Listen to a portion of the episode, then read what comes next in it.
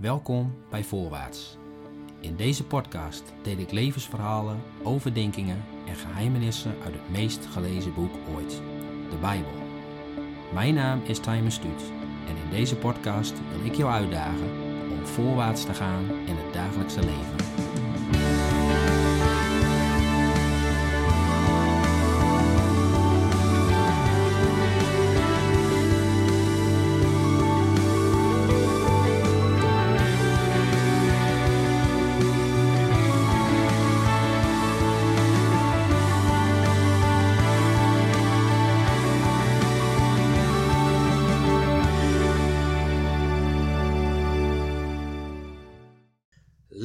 Dat je weer luistert naar de volgende voorwaarts. In dit geval deel 3 van Israël en de Arabische landen. En tegenover mij zit opnieuw Piet Jonkers. Dit keer niet bij hem aan de keukentafel in Voorthuizen, maar aan de keukentafel in Tweede Exlo Mond. Of all places. Je hebt het gevonden, Piet. Ja, het was een hele tocht, maar uh, uiteindelijk ben ik hier aangekomen. Ja, prachtig mooi. We hebben twee uh, mooie afleveringen gehad. Uh, ja, een stukje achtergrondinformatie over jouzelf. Uh, en, en wat er speelt in Israël. De vorige keer hebben we gekeken naar Gods grotere plan. En ja, dan kun je eigenlijk niet anders dan ook kijken van waar, waar komt dit nou allemaal vandaan. En dat gaan we vandaag doen. Um, ik heb zelf al tegen meerdere mensen gez gezegd, dit is een, eigenlijk gewoon een compleet andere oorlog dan alle andere oorlogen, omdat we hier met geestelijke ogen naar moeten kijken. En dat is wat we in deze derde aflevering gaan doen. Daarom ook het, thema de geestelijke strijd in het Midden-Oosten. Um, ja, trap maar af. Ja, het is, uh, als je in de loop van de geschiedenis kijkt natuurlijk. Hè, we, de vorige uitzendingen zijn we, de vorige podcast hebben we gezien dat Israël Gods kanaal van zegen is. En je ziet toch uh, machten aan het werk in de geschiedenis, dat er uh, tegenkrachten zijn die eigenlijk uh, dat kanaal van zegen stuk willen maken. Die gewoon niet willen dat Gods zegen op aarde komt via dat volk Israël. Ja, wat zie je in de loop van de geschiedenis? Hè? Het begint al als Israël in Egypte is, Farao die alle Joodse jongetjes in het water laat gooien. De tijd van, uh, van Esther, Haman, die het uh, Joodse volk weg wil hebben. Het volk moet uitgeroeid worden. Ja. Koning Herodes, die alle uh, Joodse jongetjes van twee jaar en jonge, jonger in de ruime omgeving van Bethlehem die doden. De Joden die uit Spanje en Portugal worden verjaagd. De pogroms in Oost-Europa. En uiteindelijk de Holocaust ja, de industriële vernietiging van het Joodse volk in een christelijk Europa. En waar de kerk natuurlijk ook geen fijne rol in heeft gespeeld, omdat ze in zekere zin het, uh, het zaaibed hebben geprepareerd waarop het, uh, ja, het antisemitisme van de naties kon groeien. Kun je daar iets meer over vertellen? Omdat ja, misschien dat iemand nu denkt van, hè, hoezo? wat voor rol heeft de kerk daar dan inderdaad in gespeeld? Nou, de kerk heeft op een gegeven moment, ja, toen uh, de, uh, de niet-Joodse volgelingen van Jezus in de meerderheid kwamen, steeds meer gepreekt dat het Joodse volk eigenlijk had afgedaan, dat het niet langer het volk van God was. En ja, dat werd allemaal zelfs een stapje erger, dat de Joden slechte mensen zijn, dat ze de Heer Jezus gedood hadden. Ze werden godsmoordenaars genoemd. Uh, ja, er, werd een hele sfeer gecreëerd waarin het Joodse volk in feite een heel kwaad daglicht werd gesteld. En uh, ja, dat is, dat is eigenlijk een van de, ja, ik noem dat het zaaibed van het antisemitisme. Ik ben geen expert op dat gebied. Ik zou niet durven zeggen dat het de kerk zelf is die dit, dat vreselijke wat er in de Tweede Wereldoorlog gebeurd is, uh, gedaan heeft. Maar het, het, is wel een soort geprepareerd. Terwijl we als ja, volgelingen van de Heer Jezus juist de taak zouden hebben om, om Israël plaats in Gods heilsplan te, te gunnen en haar ja, daarin ook te willen zegenen. En zelfs tot jaloersheid te verwekken exact, hebben we de vorige keer. Ja. over gehad. Nou ja, de, de Bijbel ligt hier, hier voor ons. Toch hoeven we er in die zin ook niet van op te kijken dat dat kwaad zich ook kan huisvesten in de kerk zelf. Ja, ja nee, dat is ook zo. Ja. Ja, er is een uh, bepaald gedeelte in openbaring, openbaring 12, wat hier erg mee te maken heeft, uh, volgens mij. Ik denk dat de meeste mensen wel, het wel zullen kennen. Dat is een visioen van een vrouw. Ja, die is dan bekleed met de zon, met de maan onder haar voeten en een krans van twaalf sterren op haar hoofd. En ja, die vrouw die baart dan het kind dat uh, de heidenen zal hoeden met een ijzeren staf. En ondertussen is er ook dan een gezicht van een rode draak die, uh, ja, die uh, dat kind dan wil verslinden op het moment dat de, de vrouw dat kind baart. En ja, er wordt dan over. Mensen verschillen van mening over wat dat visioen nou precies betekent. Sommigen zeggen ja, dat die vrouw, dat is de kerk dat heb ik altijd een beetje vreemd gevonden, want uh, ja, hoe kan de kerk nou Jezus baren? Jezus is juist, uh, ja, dat is voordat de kerk in feite ontstond. sommigen zeggen, ja, de vrouw is Eva. Ja, dan vraag ik me dus af, wat doen die twaalf sterren dan aan mijn hoofd? Je denkt toch gelijk uh, bij twaalf sterren aan de twaalf stammen van Israël. Ja. Als je het visioen verder volgt, die draak die wil uh, het kind doden, maar dat lukt niet. Dat kind, die, die heidenen zal hoeden met een ijzeren staf, de Heer Jezus dus. Die wordt weggevoerd naar de hemel, de hemelvaart. En ja, dan moet de vrouw vluchten naar de woestijn omdat de draak haar uh, vervolgt, omdat de draak haar wil ombrengen. Um, kan de vrouw dan Eva zijn? Ja, moeilijk hè. Eva A heeft geen twaalf ster sterren om haar hoofd en B is ook nooit naar de woestijn gevlucht. Ja, in mijn beleving kun je dat visioen alleen maar zien dat die vrouw die het kind baat, dat dat het volk Israël is. Ja.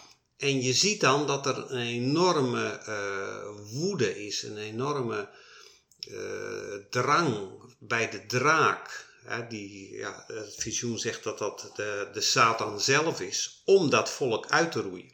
Mm -hmm. Dus wat we net allemaal noemden, hoe in de loop van de geschiedenis dat volk Israël uh, vervolgd is geweest, waarin er pogingen, telkens weer pogingen zijn geweest om haar te doden, haar uit te roeien ja, dat, dat is iets. Zie je hier eigenlijk het antwoord? Ja, zie hier het antwoord. Er is een, de, een satanische macht, Satan zelf, die gewoon dat volk weg wil hebben. Het is ook heel logisch natuurlijk. Hè? Van Satan wil alles kapot maken wat, wat God mooi maakt, wat God goed maakt. Dat moet gewoon weg. En Israël, daar hebben we het de vorige keren over gehad, is Gods kanaal van zegen. Niet vanwege het volk Israël zelf, dat, dat heb ik al, al uh, telkens uh, benadrukt. Het is gewoon Gods keuze. Dat volk wil hij gebruiken. En we hebben de vorige keer ook gezien, dat wil hij nog steeds gebruiken. Ook in onze tijd. Ja, en dat moet natuurlijk weg. En je ziet hier in openbaring 12 dat die aanvallen op Israël, daar zit meer achter dan iets simpel menselijks. Uh, er zitten geestelijke krachten achter die, die haar gewoon weg willen hebben. Ja, ja, en dan komen we natuurlijk op uh, uh, de huidige tijd. Um, na de Holocaust is natuurlijk uh, ja, Israël weer terug op de plek waar het allemaal begonnen is, in het land van de voorvaderen.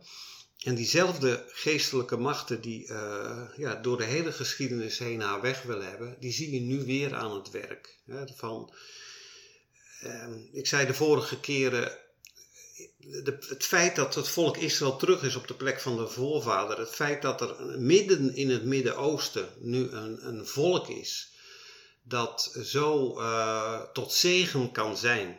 Want daar hebben we het over gehad. Hè? Geen volk uh, ter wereld kan meer tot zegen zijn voor het Midden-Oosten ja. dan Israël. En ja, je ziet dat dat continu bevochten wordt. Dat er een hele hersenspoeling is die ervoor zorgt dat men het volk Israël als een vloek gaat zien. Daar zitten ook geestelijke krachten achter, ook religieuze, hè, in de zin van, ja, Israël is dan een stukje uh, land binnen het gebied waar uh, de islam uh, natuurlijk de basis als het ware. En dat is in feite een belediging van de islam. Dus dan heb je ook een religieuze reden waarom Israël zo gehaat wordt. En dat zit heel diep. Een groot probleem vind ik van als westerse mensen naar het conflict in het Midden-Oosten uh, kijken, dat ze ja, helemaal niets meer hebben met religieuze zaken. Dat snappen ze helemaal niet meer. Uh, de meeste mensen bekijken het conflict in het Midden-Oosten dan altijd vanuit een soort economische redenen. Of, of ja, het moet, toch wel, eh, het moet toch wel over iets gaan zoals land bijvoorbeeld. Maar, ja, een stukje grond. Een stukje grond. Er zit iets diepers achter religieus. Hè, van het is een belediging voor de islam en dat moet gewoon weg. Wat ooit islamitische grond is geweest, moet dat blijven. Dus ja, islam moet daarom vernietigd worden. Maar daarachter zit dan weer, ja, de Satan zelf die dat volk gewoon weg wil hebben. Het is Gods kanaal van zegen. En dat mag absoluut niet, dat moet uh, kapot. En daarom heel veel hersenspoeling over de geschiedenis, uh, over uh, hoe het allemaal zo gekomen is. Nou, dan komen we eigenlijk bij de moderne tijd. Ik vind het heel apart dat ehm, steeds meer mensen, en ik, ik ben bang zo onderhand de meeste Nederlanders, denken dat de geschiedenis van het Midden-Oosten die plek daar waar Israël nu is, zo'n beetje is van. Uh, er was ooit een staat, die heette Palestina, en daar woonden de Palestijnen in, in uh, ja, vrede met elkaar. Mm -hmm. En toen kwamen er opeens zomaar uit het niets, verscheen aan de horizon uh, ja, gemene Joden. En die begonnen iedereen uit hun huis te jagen en die begonnen ja, uh, kinderen dood te schieten zomaar. En uh, ja, Israël is heel vreed en die hebben daar niks te zoeken en uh, die onderdrukken iedereen. Ik kan er sowieso niet bij waar het beeld nou vandaan komt. Ik zeg altijd van, hè, dat heb ik telkens herhaald, Israël is Gods aanbod tot zegen en het is niet als vloek bedoeld. Ik word soms wanhopig dat als je de simpele vraag stelt: waar hebben Palestijnen in het Midden-Oosten het beste leven? Ja, nou, nou ja, geef jij het antwoord eens. Waar hebben Palestijnen in het Midden-Oosten het beste leven in Israël. In Israël zelf. In de staat Israël zelf. Ja. Daar hebben Palestijnen een goed leven. Je noemt ze dan Israëlische Arabieren, maar dat is in feite hetzelfde volk als op de Westbank en in Gaza woont. En ja, je zou maar uh, Palestijn zijn in, uh, onder Hamas, of je zou maar Palestijn zijn onder het corrupte bewind van Abbas, of uh, in, in de kampen in Zuid-Libanon. Ik heb dit de vorige keer ook al gezegd. Maar als Soms je... is het goed om even te herhalen. Nou ja, dat mensen zich daar wel bewust van, van zijn. Ja, het verbaast mij gewoon hè, dat men toch Israël als een obstakel, als een, vloek ziet. Want ja, goed, ik heb het al eerder gezegd, ik ben natuurkundige. Als ik een theorie heb en de praktijk, hè, wat eruit komt, klopt niet, dan moet ik mijn theorie bijstellen. Als je als theorie hebt, Israël is een obstakel, Israël is vreed, Israël is hard. Uh, dan, dan zou het niet zo zijn dat de Palestijnen in Israël zelf het beste leven hebben. Dan zou je verwachten dat ze daar nog slechter hebben dan in Jordanië of in, in Libanon bijvoorbeeld. maar dat is niet zo. Nee, en die geluiden zijn er ook genoeg van de mensen die daar wonen. Ja, exact. Ja, ja het is ook zo. Maar ook daarin zie je misschien wel dat het dus een geestelijke is, strijd is. Want um, ja, uh, voor mij zijn we de allereerste aflevering begonnen met dat wij niet denken dat wij heel Nederland wel even uh, ja, wakker schudden. Mm Maar eigenlijk is het ook een geestelijk iets als mensen dit horen, dat ze misschien wel naar God toe mogen gaan van, kan het ook zo zijn dat het misschien wel anders zit als ik altijd heb gehoord of heb geloofd. Vind ik een heel mooie uh, timer en ja, ik zou ook iedereen willen oproepen van in je gebed, ga naar de Heer toe en zeg: Heer, wilt u mij helpen om door alle mist van alle propaganda heen te kijken en om uw volk in een ander daglicht te gaan zien. bewaar mij ervoor dat ik meegesleurd word in, in die continue hersenspoeling die we uh, krijgen. Ja, dat, dat uw volk eigenlijk uh, ja, toch wel erg slecht is en dat het ja, uh, mensen vreed onderdrukt. Uh, en en dat, dat het iets is wat eigenlijk niet goed is. Laat mij uw plan met uw volk zien. Laat mij zien hoe u dit volk tot zegen wil stellen. Ja, ik denk dat het heel belangrijk is dat wij als christenen gewoon op de knieën naar de Heer gaan en zeggen: Heer, help ons, we hebben uw geest nodig. Want het is een geestelijke strijd. En mijn ervaring is ook dat ja, dat je echt Gods geest nodig hebt om door die hele mist van, eh, van allerlei manipulatie heen te kijken. Ja, dus hebben we God daarin heel duidelijk nodig. Ja. En waarbij we ook mogen onthouden dat het uiteindelijk, het gaat niet om Israël of Arabieren, het gaat uiteindelijk om God zelf. Juist. Ja. Ja. En om zijn plan dat hij wil volvoeren. Hij wilde zijn schepping terugwinnen van het verderf. En daarvoor heeft hij het volk Israël gebruikt en gebruikt het nog steeds. Ehm, ja, hij werkt naar eh, de nieuwe hemel de nieuwe aarde toe. Zijn koninkrijk dat op aarde gevestigd zal worden. Maar nu we het hierover hebben, misschien is het wel een goed idee om nou gewoon eens een keer eh, door wat, wat simpele feitjes heen te lopen over die geschiedenis van het Midden-Oosten. Omdat heel veel dingen die, die eh, in die geschiedenis gebeurd zijn, ja, de meeste mensen weten dat helemaal niet meer. Nee. Van, eh, ja, Israël zit op Palestijnse grond, eh, dat soort dingen. Ja, hoe, hoezo dan? Hoe dan? Welke Palestijnse grond? Wie was de eigenaar en dat soort dingen? Mensen hebben geen idee meer hoe de geschiedenis gelopen is. En ja, laten we eens gewoon door, stap voor stap, door wat, wat, wat feitjes lopen. Waarin je al een heel ander beeld krijgt, als je alleen maar die feitjes eh, voor ogen hebt, van wat er nou eigenlijk aan de hand is in het Midden-Oosten. Waar het conflict tussen Israël en Gaza vandaan komt. Hè? Dat Ja. komt niet zomaar uit de lucht vallen. Dan zit je altijd met geschiedenis Midden-Oosten. Het is een heel gecompliceerd gebied met een heel gecompliceerde geschiedenis. Dus Waar ja, begin je? Waar begin je? Ja. Begin je bijvoorbeeld eh, bij Abraham of zo? Of begin je in het jaar nul? hè, Ja. Dat, eh, nou ja, dat eh, het Joodse volk in Israël woont. En dat er allerlei opstanden zijn. Dat de Romeinen hen uiteindelijk uit het land verjagen. Hè, van, dus ja, de Joden zijn eh, voor het grootste gedeelte helemaal verstrooid over de aarde. Daar zou je kunnen beginnen. Zoals God zelf voorzegd had. Absoluut, ja, ja, ja. Eh, Dus eh, dat, dat gaat niet buiten God om, hebben we het de vorige keer ook over gehad. Ehm, nou ja, en daarna krijg je een hele hoop ehm, verschillende rijken die dan over dat land, eh, het heilige land als het ware, geheerst hebben. Nou, mijn voorstel is dat we zo'n beetje ongeveer 1850 beginnen. Dan heb je toch de meest directe link met wat er nu aan de hand is. En in 1850 is ehm, het gebied dat tegenwoordig Israël en de Palestijnse gebieden is, dat is dan onderdeel van een provincie in het Ottomaanse Rijk. Dus het eh, ja, Turkse Rijk, het Ottomaanse Rijk. Eh, het is een zeer dun bevolkt gebied en nou komen we, daar wonen Joden en Arabieren. Het is niet zo dat er alleen maar Palestijnen woonden of zo in die tijd. Er hebben altijd Joden in het heilige land gewoond. Ja. Dan begin je al met de eerste mythe. De meeste mensen denken, oh, de Palestijnen zijn de oorspronkelijke inwoners en de Joden zijn er later bijgekomen. Dat is niet waar. Er hebben altijd Joden gewoond. In Jeruzalem was in 1850, eh, waren de Joden een kleine meerderheid. En er woonden toen de tijd iets meer Joden dan, eh, dan, dan Arabieren. Ja, Want het waren toen zelfs geen Palestijnen Nee, ook, je toch? noemde ze toen geen Palestijnen. Nee, Daar nee. komen we zo nog even op.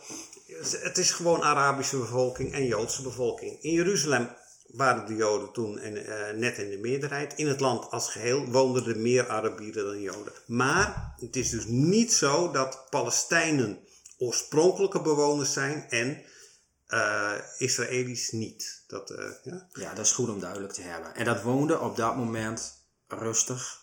Ja, het, het land was zeer dun bevolkt. De Joden woonden veelal in, ja, in Jeruzalem. Eh, ja, er waren ook eh, Arabische mensen die daar woonden. Dat woonden een beetje door elkaar heen. Ze waren allemaal inwoners van het Ottomaanse Rijk. Precies. En op zichzelf waren er... Geen conflict. Nou ja, niet zoveel spanningen. Ja, het is lokaal wel hier en daar. Dat weet ik ook allemaal niet precies. Nee. Eh, wij hebben hier ook burenruzies. Ja, ja, de rijdende rechter moet komen. Ja. Dat zal daar ook wel zo geweest zijn. Maar het, het was relatief rustig. Nou, dan krijg je van 1850 tot 1917. Waarom 1917? Einde Eerste Wereldoorlog. Ehm, dan nemen de Britten het over. Dus daarom neem ik de periode van 1850 tot 1917 even. Dan krijg je een instroom van Joden. Ja, dat noem je de Aliyah. Er zijn uh, twee golven van uh, nou ja, dat de Joodse uh, mensen het land binnenkwamen. Die Aliyah maakten terug naar het land van de voorvaderen. Mm -hmm. Maar in diezelfde tijd ja, stroomde er ook ja, andere Arabieren uit Egypte, uit Syrië naar binnen. Turkse mensen kwamen binnen, uh, Armeniërs, veel Armeniërs, de Armeense genocide bijvoorbeeld. Hè, die heeft ervoor uh, gezorgd dat er heel veel Armeniërs uh, nou ja, naar Jeruzalem kwamen, naar het Heilige Land kwamen als het ware. Ja. Um, er was dus een instroom, ja, het was het Ottomaanse Rijk. Er waren geen grenzen tussen wat nu Israël en Jordanië is bijvoorbeeld. Er was heel veel ja, volksverhuizing niet, maar mensen die zochten vaak een beter leven. Er stroomden veel Joden binnen, er kwam meer activiteit en dat trok ook ja, mensen uit Egypte aan. En ja, dat is ook al zoiets van een deel van de Joden die er nu nog wonen, is van de oorspronkelijke bevolking. Een deel van de Palestijnen is van de oorspronkelijke bevolking. Maar een, een groot deel van de Joden is later in de 19e en 20e eeuw binnengekomen. Mm Maar is een groot deel van de Palestijnen zijn ook in stroom, zijn in de 19e en de 20e eeuw binnengekomen. Um, ja, ik weet niet of jullie, uh, de luisteraars die kennen, er is uh, zo'n uh, jonge vrouw uh, Tamimi, dat is eigenlijk een soort symbool van het Palestijns verzet, die als klein meisje al naar Israëlische soldaten toe rende en daar enorm fel met de vuist ging staan zwaaien en zo. Die Achet Tamimi, ja, die heeft blauwe ogen en blond haar. Haar, haar familie komt, ik heb geen idee, maar misschien van de Balkan of uit de Caucasus. Dat was onderdeel van het Ottomaanse Rijk die families misschien in de 19e eeuw naar, naar uh, het Heilige Land gekomen. Dat is een voorbeeld dat je zegt, ja, die dame, dat is duidelijk geen Arabische. Dat is import. Een van de meest voorkomende namen in de Palestijnse gebieden is Al-Masri. Al-Masri betekent de Egyptenaar. Dus dat geeft ook al aan dat die mensen niet oorspronkelijk uit het gebied uh, ja, Israël-Palestijnse gebieden komt. Ja, en daarom schets je ook even deze context. Ja, en ik, uh, ik vind het een prachtig verhaal. Ik heb een tijdje Arabisch gestudeerd aan de Al-Quds University in Jeruzalem. Hè? En uh, nou, die universiteit die organiseerde ook excursies. nou, onder andere naar de verschillende soeks die er zijn in Jeruzalem. En die markten, die Arabische markten. Ja. En nou, we werden rondgeleid door een, hele enthousiaste Palestijnse gids. En ja, dan liepen we zo door die soeks. En op een gegeven moment vertelt hij heel enthousiast het verhaal dat zijn overgrootvader. Uh, begin 20e eeuw uh, door de Turken dus, door de Ottomanen naar Jeruzalem was gestuurd om de tabakshandel te gaan reguleren. Nou, ik vind het een mooi verhaal, maar tegelijkertijd geef je dan wel toe dat jouw familie dus ook niet oorspronkelijk is. Ik heb er helemaal geen bezwaar tegen dat Palestijnen voor een groot gedeelte uit import bestaan. Nou, logisch, ja, het was het Ottomaanse Rijk. Er was gewoon uh, verhuizingen. Die, uh, maar je moet dan niet gaan doen alsof jij dan de oorspronkelijke bevolking bent en de Joden daar niets te zoeken hebben. Nee, precies. En dat is nu iets wat bij de, bij de meeste Nederlanders gewoon al ingesleten is. Wat doen die Joden daar eigenlijk? Die Joden hebben er niks te zoeken. Het is een koloniaal project. Hoezo koloniaal? Het is helemaal niet zo dat, dat Nederland of Engeland of Duitsland daar Joden ging, ging plaatsen. Het is gewoon dat er een volk was, het Joodse volk, dat een eigen natie, een eigen staat wilde gaan vormen. Dat, dat, was onderdeel van ja, hoe het in de 19e en begin, begin 20e eeuw was. Hè. Veel uh, groepen zochten ja, een eigen land te vormen, een eigen staat te vormen. Het is geen koloniaal project, het is gewoon een project waarin het Joodse volk een eigen plek heeft. En veel, nogmaals, ik herhaal het nogmaals, veel Joden zijn daar naartoe gegaan. Er waren al oorspronkelijk Joodse bevolking. Er zijn er veel die import zijn. Maar het, precies hetzelfde geldt voor de Palestijnen. Dus wat dat betreft hebben de Joden net zoveel rechten, als je dat zo zou noemen, op het land als de Palestijnen dat hebben. Los, los van de Bijbel zelfs nog. Ik, ik gebruik met opzet nu Tijmen even niet, niks Bijbels. Nee, precies. Want. Een luisteraar die daar niks mee heeft, zal zeggen: Ja, mooi hoor, jullie met je, met je boek, eh, bekijk het maar. Wat, Ja. ja. daar heb ik niks mee te maken van. Dus ik gebruik alleen maar gewoon De geschiedenis. de geschiedenis, wereldse argumenten als het ware. Nou, ik zei dan komen we bij 1917 en dan eh, veroveren de, eh, de Britten dit gebied, hè, de Engelsen, die eh, ja, uiteindelijk hebben die dan het Ottomaanse Rijk, die hebben stukken daarvan veroverd. Het Ottomaanse Rijk was steeds meer in verval en dan, in 1917 veroverden de Britten het gebied. En na de Eerste Wereldoorlog heb je dan ja, de hele kaart van Europa en het Midden-Oosten is opgeschud door die oorlog. En dan krijg je dus een, een, de Volkenbond heet dat. Dat is eigenlijk de voorloper van de Verenigde Naties. Dat zijn dan een aantal invloedrijke landen die komen dan bij elkaar en die gaan een nieuwe indeling van Europa en van het Midden-Oosten maken. En die Volkenbond die draagt dus de Engelsen op om dat gebied, wat nu Israël en de Palestijnse gebieden en Jordanië en ook stukken van Irak is te gaan eh, beheren. Ehm, nou, Israël, Palestijnse gebieden, Jordanië zoals dat nu heet, dat wordt dan het mandaatgebied Palestina. De Engelsen krijgen dus het mandaat van de Volkenbond om dat dan te gaan, eh, te gaan eh, beheren. Nou, het mandaatgebied ehm, Palestina, dat is geen apart land. Dat is geen land, dat is dus vanwege hoe de oorlog is afgelopen. Nou, hebben ze dat Midden-Oosten opgedeeld. De, eh, de Britten krijgen dat stuk onder hun beheer. Mandaatgebied Palestina, dat is geen apart land. Je kunt er allerlei meningen over hebben. Je kunt natuurlijk zeggen, ja, de Britten hadden daar nooit mogen zitten. Nou, ja, mij best allemaal. Maar gewoon, dat is gewoon de, eh, de Zo is het gegaan. zo is het gegaan. Ja, en het was ook een heel andere tijd. Eh, Ik vind het altijd zo apart dat mensen dan met ogen van 2023 terug gaan kijken naar hoe het 100 jaar geleden was en hoe het had moeten zijn. Ja, vanzelf.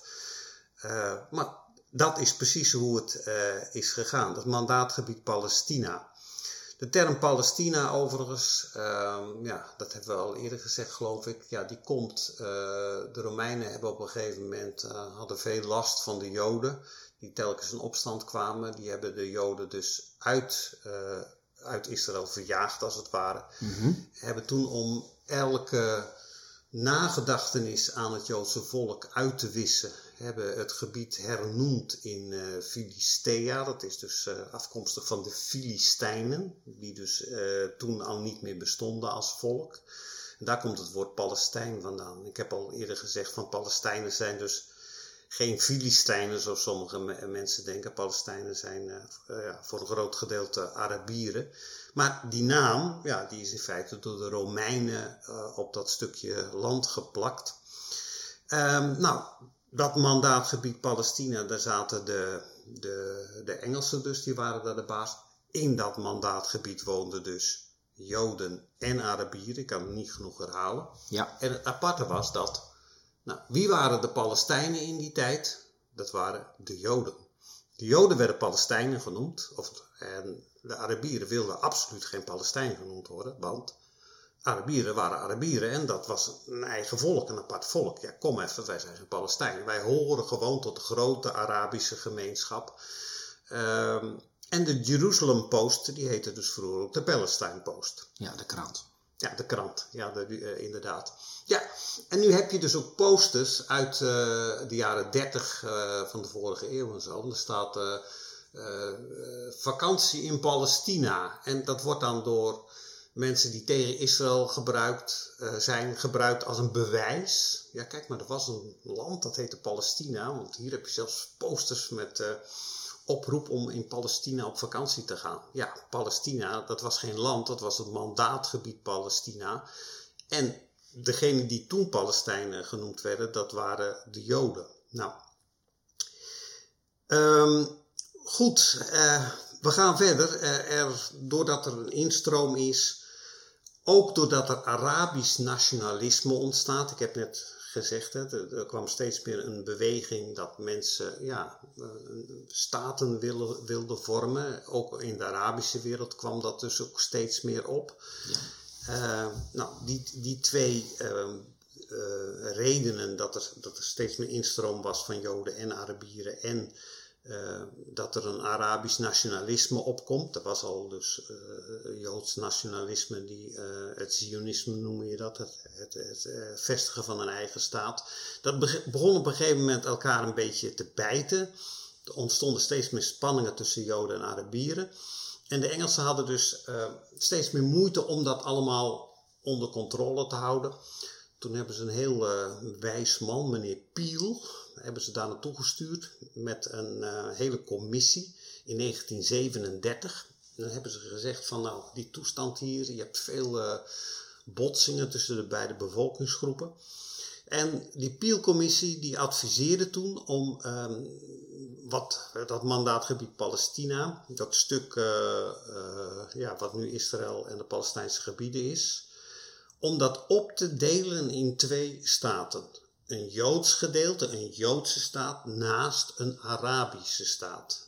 je kunt dus nog niet zeggen Palestijnse staat, want dat was het. die was er niet, ja. ja. Goed, um, dat die opdeling die de Peel-commissie uh, opstelde, die was nogal onvoordelig voor de Joodse bevolking en relatief voordelig voor de Arabische bevolking. De Engelsen waren toen iets wat meer uh, op de hand van de Arabieren. Ja, er wordt wel eens gezegd, de Arabieren waren heel, uh, uh, sorry, de, de Britten waren heel pro-Arabisch, zeggen sommige mensen. Anderen zeggen nee, nee, ze bijvoorbeeld de Joden eigenlijk. Nou, de Britten waren eigenlijk erg pro-Brits. Ja, het ging om hunzelf. Het ging om hun eigen belangen.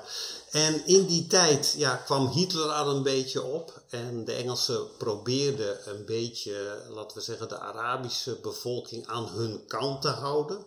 Dus er was een beetje eh, dat ze toch de Arabieren iets meer bevoordeelden dan de Joden. Dat, dat zie je ook in die, die opdeling van de Peel-commissie. Er zou een Joodse staat komen en een Arabische staat. En ja, het Joodse gedeelte was nogal ja, onvoordelig voor de Joden als het ware. Maar toch hebben de Joden dat aanvaard. En de Arabische uh, landen en bevolking ook hebben dat uh, radicaal afgewezen. En nu komen we, we gaan tellen. Dit is de eerste kans op een Palestijnse staat. Als de Arabieren in 1937 het opdelingsplan van de Peel-commissie hadden aangenomen, ja, dan hadden we nu twee staten gehad. Ja. Ja, eh, dat lag niet aan de Joodse bevolking. Ondanks dat het een onverdelige verdeling was, hebben zij dat ge, uh, geaccepteerd. Nou, dan krijg je de Tweede Wereldoorlog, die gooit alles door de war. Um, maar als het ware, die spanningen in dat gebied, die blijven gewoon bestaan. En op een gegeven moment uh, gooien de Engelsen of de Britten de, de handen in de lucht en die zeggen, ja, wij weten het ook niet meer, wij trekken ons hier terug. En we laten het aan de pas opgerichte Verenigde Naties over. Om maar te kijken wat we nou eigenlijk met dit stuk land, met die twee bevolkingsgroepen moeten doen. Mm -hmm. En dan krijg je dus in 1947 het zogenaamde verdelingsplan van de VN, het verdelingsplan van de Verenigde Naties. Weer, we willen dat stuk land, twee bevolkingsgroepen die vaak clashen, laten we het opdelen in twee gedeeltes. Ja een Palestijns, uh, of sorry, een Arabisch uh, deel en een, uh, en een Joods deel. Um, nou, als je dat plan beziet, ik vind dat altijd nog steeds dat je denkt van nou, die mannen hebben wel ongeveer rondgekeken hoe de toestand was. Dat was een tamelijk ja, gebalanceerd plan. de Joden kregen iets meer land aan vierkante kilometers. De Arabieren kregen iets minder land in vierkante kilometers, terwijl de Arabieren, er waren meer Arabieren dan Joden in die tijd. Dus sommige mensen zeggen het was een oneerlijk plan. Maar wat de Joden kregen, dat was slechtere grond. Het waren veelal moerassen en veel woestijn. En de Arabieren kregen het vruchtbare gedeelte. Maar dat werd dus gecompenseerd doordat de Joden wat meer land kregen, begrijp je? Dus ik vind het eigenlijk, als ik erop terugkijk, een heel uh, eh, voordelig, ja, voordelig, verstandig plan als het ware. Nou, let op, we zijn aan het tellen. Tweede kans op een Palestijnse staat. Wat gebeurt er? Ja, de Joden aanvaarden dat plan, de Arabieren wijzen het af. Let ook even op dat Israël is ontstaan volgens internationaal recht. Er wordt altijd, die term internationaal recht, dat vind ik ook een heel irritant. Er wordt, eh, trouwens, iedereen is tegenwoordig klaarblijkelijk expert in internationaal Ja, recht. dat is wel knap. Ja, knap hè, want volgens internationaal recht mag dit niet en dat niet. Nou, Israël is gewoon ontstaan volgens internationaal recht. Hè, het is door de VN een toegewezen gebied. De Joden hebben dat aanvaard. Ja, de Arabieren hebben dat afgewezen voor de tweede keer. Dat is wel een hele belangrijke kanttekening hè, Ja. die je nu plaatst. Absoluut, ja. Maar wie weet dat nog? Hè? Van, Ja. Dat beeld blijft maar. De Joden hebben er niks te zoeken. De Joden die, die nemen maar zomaar land in. Nee, goed, dat is. eh, Goed, eh, dat verdelingsplan is van 1947. In 1948 eh, roept Ben Gurion dus de Israëlische staat uit. Gebaseerd op dat verdelingsplan van de VN. Ja, en onmiddellijk vallen vijf landen Israël aan. Eh, vijf verschillende legers die vallen Israël binnen om die nieuw opgerichte staat eh, te, weg te vagen. En tot de grote verbazing van iedereen eh, ja, wint Israël die strijd. Nou, in die tijd is er, zijn er een aantal dingen gebeurd die eh, ja, mm, niet door de beugel kunnen. Er zijn toen inderdaad in die tijd wel Arabische mensen verjaagd, dat klopt. Het was oorlog. Eh, nou ja, daar zijn allerlei dingen gebeurd die eh, niet de schoonheidsprijs verdienen. Van beide kanten overigens. Je moet dus niet zeggen, de Joden hebben nooit iets verkeerd gedaan. Er zijn wel dorpen geforceerd ontruimd en dat soort dingen. Maar goed, het is een oorlogssituatie. En eh, ja, daarin gebeuren soms dingen die niet juist zijn. Het is niet zo dat de Joden alle Arabieren weg wilden hebben tijdens die oorlog. Dat is absoluut niet waar. Er zijn dus ja, heel veel Arabieren overgebleven die in nu de staat Israël wonen. Dat zijn die Palestijnen die het beste leven hebben in, eh, in het Midden-Oosten, als het ware. Goed, ehm, de Westbank, Judea, Samaria, als je de bij- Bijbelse term wil gebruiken. Dus de Westbank wordt illegaal bezet door Jordanië. Jordanië bezet dus de Westbank. Ja, die had er eigenlijk niks te zoeken, want ja, de VN had dat klaargezet voor een aparte Palestijnse staat. Jordanië bezet illegaal de Westbank en Gaza wordt door Egypte bezet. En let op, daar hebben we een derde kans op een Palestijnse staat. Want Gaza en de Westbank waren toen onder Arabisch gezag, Egypte en Jordanië. En die hadden samen kunnen zeggen, nou, we gunnen die Palestijnen een eigen staat. De derde kans op een Palestijnse staat.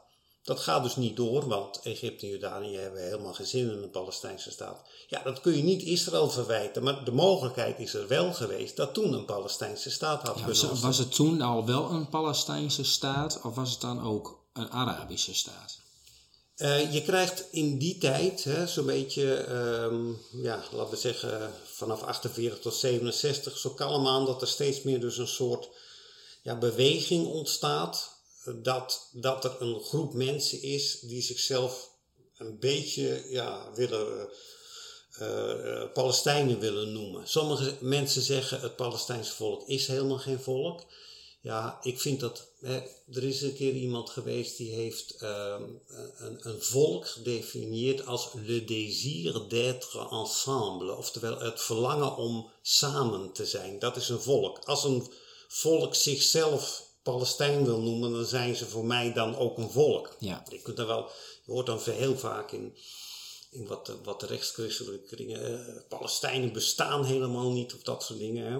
In feite zijn het allemaal Arabieren, dat is ook wel zo. Maar ontstaat er een soort beweging dat men toch dat als een apart volk wil gaan zien. Ja, precies. En dat ze zichzelf zo En, definiëren. en kun je dan nog, want zo straks legt hij heel duidelijk even uit van, zo wilden ze eerst helemaal niet heten. nee, nee, want nee. eh, waar komt die kentering dan vandaan? Nou ja, dat is meer die, die beweging dat er steeds meer eh, het idee komt. We willen natiestaten vormen. We willen echt een soort land vormen met elkaar. Ja, dus eh, ja, eh, 150 jaar geleden was er gewoon een Arabisch, Arabisch eh, eh, idee. we zijn allemaal Arabieren, weliswaar verschillende stammen, die elkaar ook weer de hersens insloegen natuurlijk. Hè. Die stammencultuur, dat is ook heel typisch in het, in het Midden-Oosten. Maar ja, je krijgt door, door die opkomst van die nationale bewegingen ook dat er een beweging komt om, ja, om dan een Palestijnse staat te vestigen. Gedeeltelijk ook weer, het is allemaal zo gecompliceerd timen, gedeeltelijk ook weer als reactie op het feit dat Israël bestaat, begrijp je? Dan krijg je ook weer dat die bevolking zich als het ware daartegen gaat afzetten en zeggen nee, maar wij zijn uh, Palestijnen. Ja, ze hadden zich dus in, bij Jordanië kunnen aansluiten of bij Gaza, maar goed, dat, dat wilde Egypte en, uh, en Jordanië niet. Dus dat was de derde kans op een Palestijnse staat. Ja.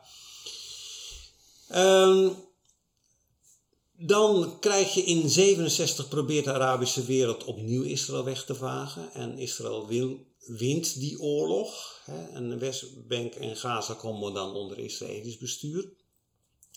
Ja, en dat is dan eigenlijk een, een, een, een, een, situatie waarbij er over de toekomst van die gebieden onderhandeld zou moeten worden. Ja. En Israël wilde in die tijd ook met de Arabische wereld onderhandelen over de toekomst uh, van die gebieden. Maar ja, dan, uh, dan krijg je dus uh, een vergadering van de Arabische Liga in Khartoum in 1967. En ja, die uh, roepen drie keer nee, geen vrede met Israël, geen erkenning van Israël, geen onderhandelingen met Israël. De drie nee's van Khartoum. Ja, dit was eigenlijk de vierde kans op een Palestijnse staat. Hè. Had de Arabische Liga, de Arabische wereld, gezegd: oké, laten we nu eens kijken uh, wat de toekomst is van die gebieden, Gaza, Westbank. Laten we daar alsnog dan de Palestijnse staat in oprichten. Dat is ook weer afgewezen. Ja. Dan krijgen we de jaren negentig. We, gaan, we lopen met zeven mijlslazen door de geschiedenis heen. De Oslo-akkoorden. tussen ja, Israël en de Palestijnen dan die steeds meer als een eigen groep naar voren komen. De Oslo-akkoorden die openden de weg naar een, Palestijnse staat in stappen. Het zou in verschillende stappen gaan. Um, een van de eerste stappen zou zijn, dat moeten we even vasthouden, want daar kom ik uh, in twee minuten op terug. Hè. Gaza en Jericho, dat zouden de eerste gebieden worden waar dan uh, de kern van een Palestijnse staat zou worden ingevoerd. En dat was om te testen, hoe gaat dat nou? Als je nou de Palestijnen zelfstandigheid geeft, gaat dat werken. Mhm. En voor Israël was dat ook een veiligheidstest, uh, als het ware. Want er waren heel veel aanvallen van Arabische uh, gewapende groepen.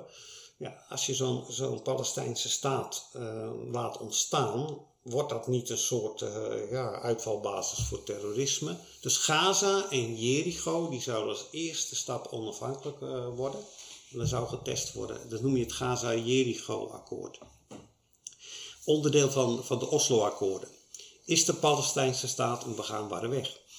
Nou, um, leek er niet op, want er kwamen steeds meer bomaanslagen en uh, schietpartijen. Dan heb je in het jaar 2000, dan biedt Ehud Barak, dat was toen de tijd de premier van Israël. Mhm. Die biedt aan Arafat een Palestijnse staat aan in Gaza in 94% van de Westbank en Oost-Jeruzalem als hoofdstad. Nou, vijfde kans op een, uh, op een Palestijnse staat. Nou, het wordt heel vervelend zo onderhand, want Arafat wijst dat af. Uh, er is gezegd, de Palestinians never miss an opportunity to miss an opportunity. De Palestijnen laten nooit een gelegenheid voorbij gaan om een gelegenheid voorbij te laten gaan. Nou, het is hier weer het geval. Ja. Je denkt van man, had dat nou aangenomen, dan had je nu je eigen staat gehad. Arafat wijst dat aanbod af. Uh, en er volgt een golf van bloedige aanslagen van meer dan, ja, meer dan duizend doden en vele duizenden mensen die voor het leven verminkt zijn. Uh, ja, heel veel trauma in Israël dat aanbod tot een eigen Palestijnse staat werd beantwoord met, met heel veel terreur. Ja, in 2008 uh, eh, dan heb je premier Ehud Olmert, die biedt opnieuw een Palestijnse staat aan met nog meer land dan Barak, uh, Ehud Barak al deed. En dan is Mahmoud Abbas ondertussen de leider en die wijst het ook af. Zesde kans op een Palestijnse staat. Er is een mythe dat als Israël nou maar zou toestaan dat de Palestijnen hun eigen staat zouden krijgen, dan zou er vrede in het, en het Midden-Oosten zijn. Nou, dat is pas zes keer gedaan. En nu hoor je het ook weer, oh ja, als die Pallen, ja, Israël die blokkeert en ja, al die kolonisten, dat is een blokkade voor, uh, voor een Palestijnse staat. Als ze nou maar een eigen staat zouden hebben, dan zou het allemaal goed komen. Ja, ik denk dat het is pas geprobeerd. Het heeft nooit gewerkt. Einstein zei al, waanzin is telkens maar hetzelfde proberen en dan een andere uitkomst verwachten. Ja, ik denk van, beste mensen, wees nou eens realistisch. Er is gewoon een onwil van de Palestijnse kant om een eigen staat te vormen. Want ja, dan moet je Israël erkennen. En dat is het hele probleem. En dat is het hele probleem. Ten diepste zit er toch in van, uh, dit is ons land dit is onderdeel van, het, uh, van de islam. Dit mag niet weggegeven worden. Er zit gewoon een. een, een ja, een, en dan krijg je, ja, dan komen de groepen op die religieus geïnspireerd zijn, zoals Hamas. Ja, die willen Israël gewoon van de kaart vegen. Die zullen nooit Israël erkennen. Israël moet weg. Alle Joden moeten weg. Ja, dat is het probleem. Het is niet simpel van Israël blokkeert alles. De geschiedenis laat dat zien. Nou, even Terugkomen dan op Gaza, hè, hoe is dat gegaan? En dan komen we bij de huidige toestand en dan hebben we een beetje de grote stappen van de geschiedenis gehad. Mhm. Gaza was dus onderdeel van een pilot als gevolg van de Oslo-akkoorden. In 2005 trekt Israël zich volledig terug uit Gaza. Er woonden Joodse mensen, uh, maar goed, die worden allemaal uh, weggehaald uit Gaza. Uh, het wordt dus, nou excuseer le mot, Joedenrein opgeleverd. Dus helemaal vrij van Joden opgeleverd. Um, Gaza had in die tijd de mogelijkheid om het Singapore van het Midden-Oosten te worden. Zo'n stad-staat die dan op een strategische plek ligt waar veel nou ja, handel zou kunnen zijn. En Israël heeft ook geprobeerd om dat ja, een beetje te steunen. Voor Israël zou het ook voordelig zijn als er een bloeiende stadstaat zou ontstaan zijn. Zeker. Ja, wat heeft Israël er voor voordeel bij om daar... Ze hadden zich helemaal teruggetrokken. Ze hebben geen enkel voordeel erbij dat dat een of andere uh, achtergebleven gebied zou zijn. Voor Israël is het, was het ook voordelig dat dat een bloeiende staat zou worden. Maar in 2007 wint Hamas de verkiezingen. Uh, nou, Daarvoor was dus de Palestijnse autoriteit daar de baas. Die wordt uh, door Hamas met geweld verdreven. Er zijn ook heel veel uh, ja, Arabische slachtoffers gevallen toen uh, Hamas de macht overnam van de Palestijnse autoriteit. En Gaza wordt steeds meer, in plaats van het Singapore van het Midden-Oosten, een basis van waaruit terroristische aanvallen op Israël worden uitgevoerd en raketten op Israël worden afgevuurd. Ja. En dan komt er zoveel terreur dat uiteindelijk is er besluit om er een hek omheen te bouwen. Om te voorkomen ja, dat er ja, aanvallen vanuit Gaza op Israël worden gedaan. Dus het is echt het is ontzettend triest om dat te zien. Je ziet daar een mogelijkheid om een stukje land tot het Singapore van het Midden-Oosten te maken. En door de haat tegen Israël wordt dat omgevormd tot een, tot een terreurbasis eigenlijk, waar, waarbij continu raketten worden afgevuurd en terreur dus. Nou, dat is de geestelijke strijd. Dat is die geestelijke strijd, die verblinding. Niet zien van oké, wij kunnen hier een mooi staatje vormen, Israël kan ons daarbij helpen. Nee, Israël moet weg, Joden moeten dood. Dat is een geestelijke uh, strijd, dat is geen geen rationele afweging. Ja. En dat er dan zo'n muur omheen gaat, is niet geboren uit luxe. Nee, nee, absoluut niet. Nou, eh, er wordt dan vanaf 2018 een hek gebouwd. En eh, ja, dat is niet omdat Israël zo graag een hek wilde bouwen. Dat is omdat er steeds meer terroristische aanvallen komen. Maar goed, in aflevering 1 heb ik gezegd hoe... Uh, vreemd uh, het Nossi Jeugdjournaal dan de aanval, de bloeddorstige aanval van Hamas op, uh, op die kibbutzen en zo. Ja, Palestijnen hebben uh, Israëli's aangevallen omdat ze hen gevangen houden met hekken. Dat is dan de reden volgens de NOS waarom die vreselijke aanval er geweest is. het hek is helemaal niet het probleem. Het hek staat er pas heel kort. Gaza is, is niet bezet door Israël. Het is de terreur vanuit de Gazastrook. Het is de haat tegen Israël. Dat is het probleem. Dat is wat moet veranderd worden. Nou, als je die, die situatie bekijkt. Er zijn miljarden ontwikkelingshulp in de Gazastrook gepompt. Het is, het is verschrikkelijk als je het allemaal ziet. Wat is daarvan terechtgekomen? 500 kilometer tunnel. Uh, tienduizenden raketten die daar uh, zijn gefabriceerd en afgevuurd. Die raketten worden gemaakt van waterleidingbuizen. In plaats van dat het geld gebruikt wordt om de waterleidingvoorziening in Gaza uh, op orde te brengen, worden daar raketten van gemaakt. Israël moet nog steeds water leveren aan Gaza. Dat is toch knetter dat na zoveel jaren zelfstandigheid als het ware, al dat geld in, in feite in terreur gestoken is. En het doet me ook zoveel pijn om te zien hoeveel vindingrijkheid en energie er in Gaza is. van, het is heel ingenieus om te kijken dat je een hele ondergrondse stad haast kunt bouwen. Ja, er zit wel talent. Er zit heel veel talent met, zoveel eh, eh, met zoveel beperkte middelen. Ja, geld was er zat, want de EU bleef uh, natuurlijk maar financieren. Maar ja, eh, er zit heel veel huisslijt in allerlei dingen. Maar wat voor dingen? Dingen om Israël aan te vallen. Als diezelfde huisslijt, die energie uh, gestoken was in opbouw van het land.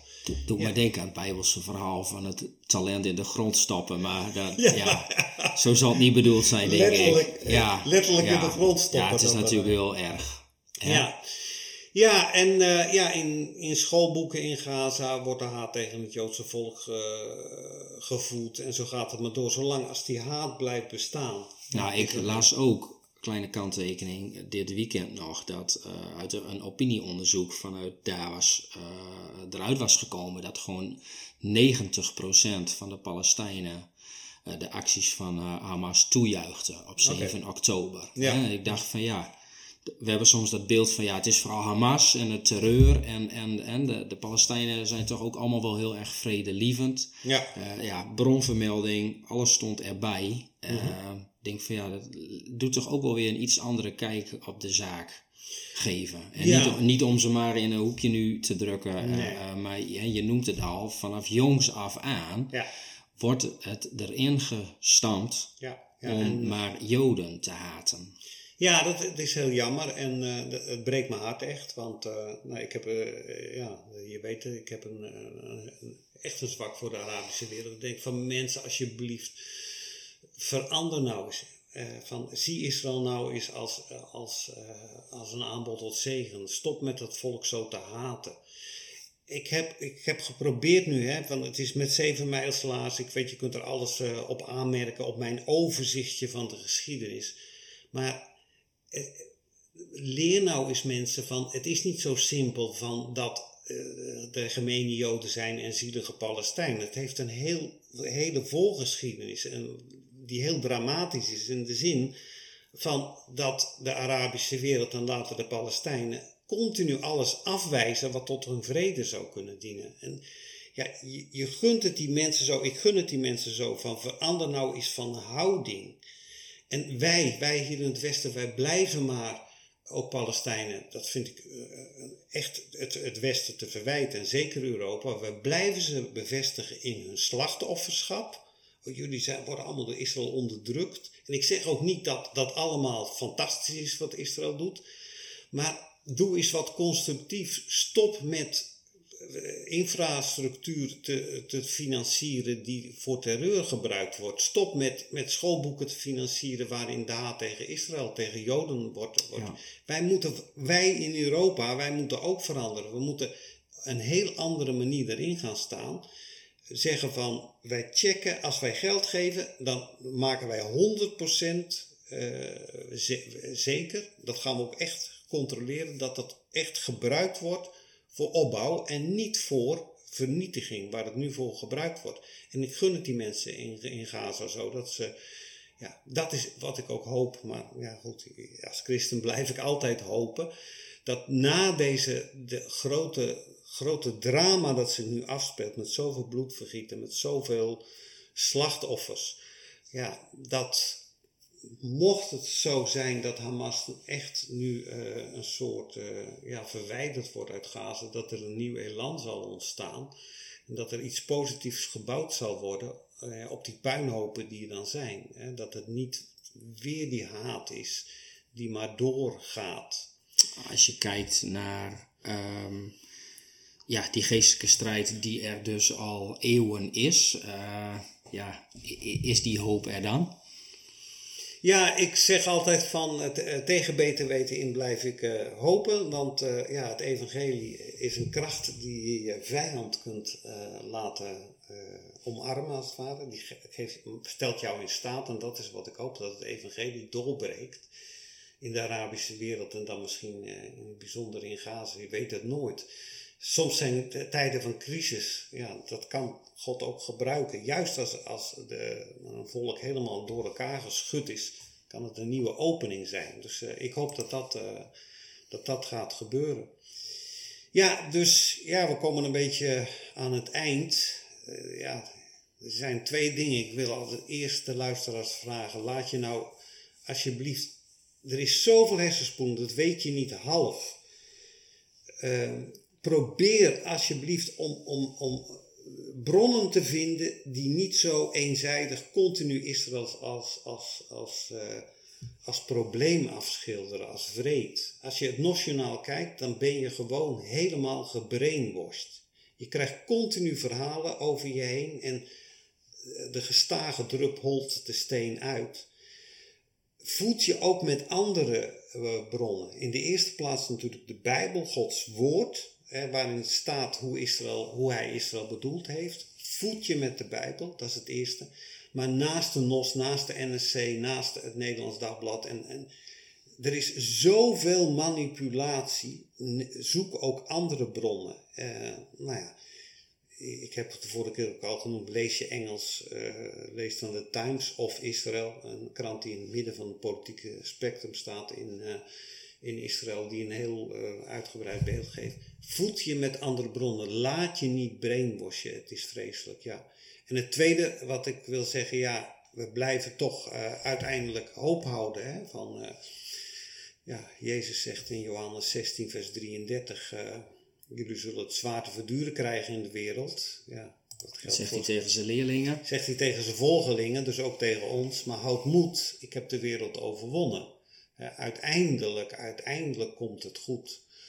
Maar ja, we moeten door moeilijke tijden heen. Ja, maar we hebben het ook een beetje, dat klinkt heel raar. Hè? Sommige mensen denken dat God een noodlot is, hè, die alles, uh, dat alles zich moet ontvouwen. Mm-hmm. Maar hoe, hoe, hoe moeilijk het wordt, daar hebben wij zelf ook een, een bepaalde inbreng in. Als we maar blijven doorhameren, op, op, op die negatieve manier in Gods volk blijven afschilderen als, als uh, het probleem van het Midden-Oosten, ja, dan gaat het wel erg moeilijk worden. Als wij ons zouden bekeren en zouden zeggen, ja heren, het is uw volk, het is geen makkelijk volk, maar u heeft het tot zegen bedoeld en daar willen wij op inzetten als christenen. Wij willen haar beschermen tegen de aanvallen van de boze die haar weg willen hebben.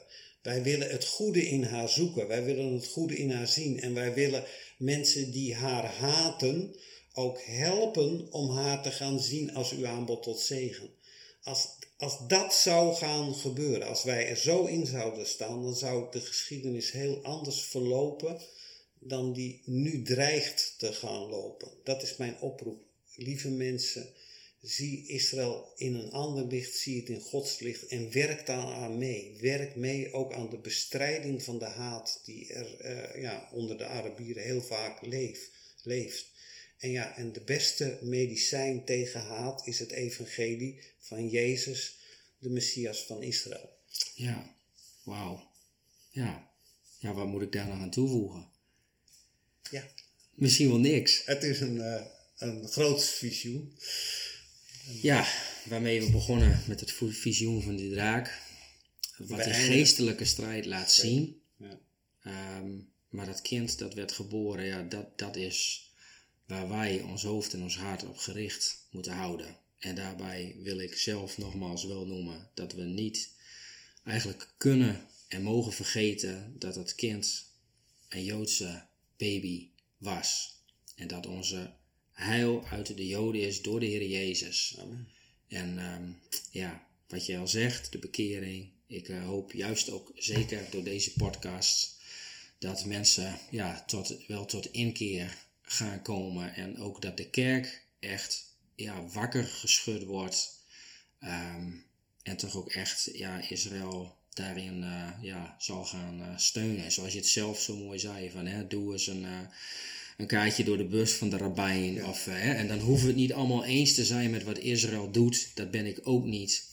maar we mogen gewoon niet vergeten dat het nog steeds Gods volk is. En als we als gelovigen dat nou allemaal alles zouden beseffen, dan zouden we misschien nog steeds wel in staat kunnen zijn om die opdracht van Paulus, om ze tot jaloersheid te verwekken. Misschien zou dat dan nog steeds wel kunnen. Amen. Amen. Piet, enorm bedankt. Um, ja, ik heb ervan genoten en ik wil je onwijs bedanken voor jouw inbreng, voor je kennis en je wijsheid en uh, hoe je ons daarin hebt meegenomen. Jij ook bedankt. Ik vond yes. het heel fijn. Dankjewel. God zegen. Jullie als uh, luisteraar bedankt opnieuw. Ik wil uh, afsluiten met opnieuw de opmerking. Als je toch vragen hebt over dit stukje, dan kun je ze gewoon mailen. Ehm, misschien heb je vragen over het evangelie. Laat het weten. Blijf er niet mee lopen. Ehm, want er is nog steeds tijd. Ik geloof zeker met de gebeurtenissen in het Midden-Oosten zoals wel eens gezegd wordt, dat we de voetstappen van de Messias kunnen horen. Maar er is nog steeds tijd. En uh, ja, we hebben gewoon een uh, geweldige God. Ook al zien we dat misschien niet altijd door wat er allemaal gebeurt. Maar we mogen beseffen dat het God niet uit de hand loopt. En dat Hij alles in zijn machtige handen houdt. En dat er iets geweldig moois nog te gebeuren staat. En laten we daarin de moed houden. Ook al zullen we het zwaar krijgen, zoals Piet ook zei. Er is goede hoop, want God zal alles ten goede keren. Bedankt voor het luisteren en tot een volgende voorwaarts.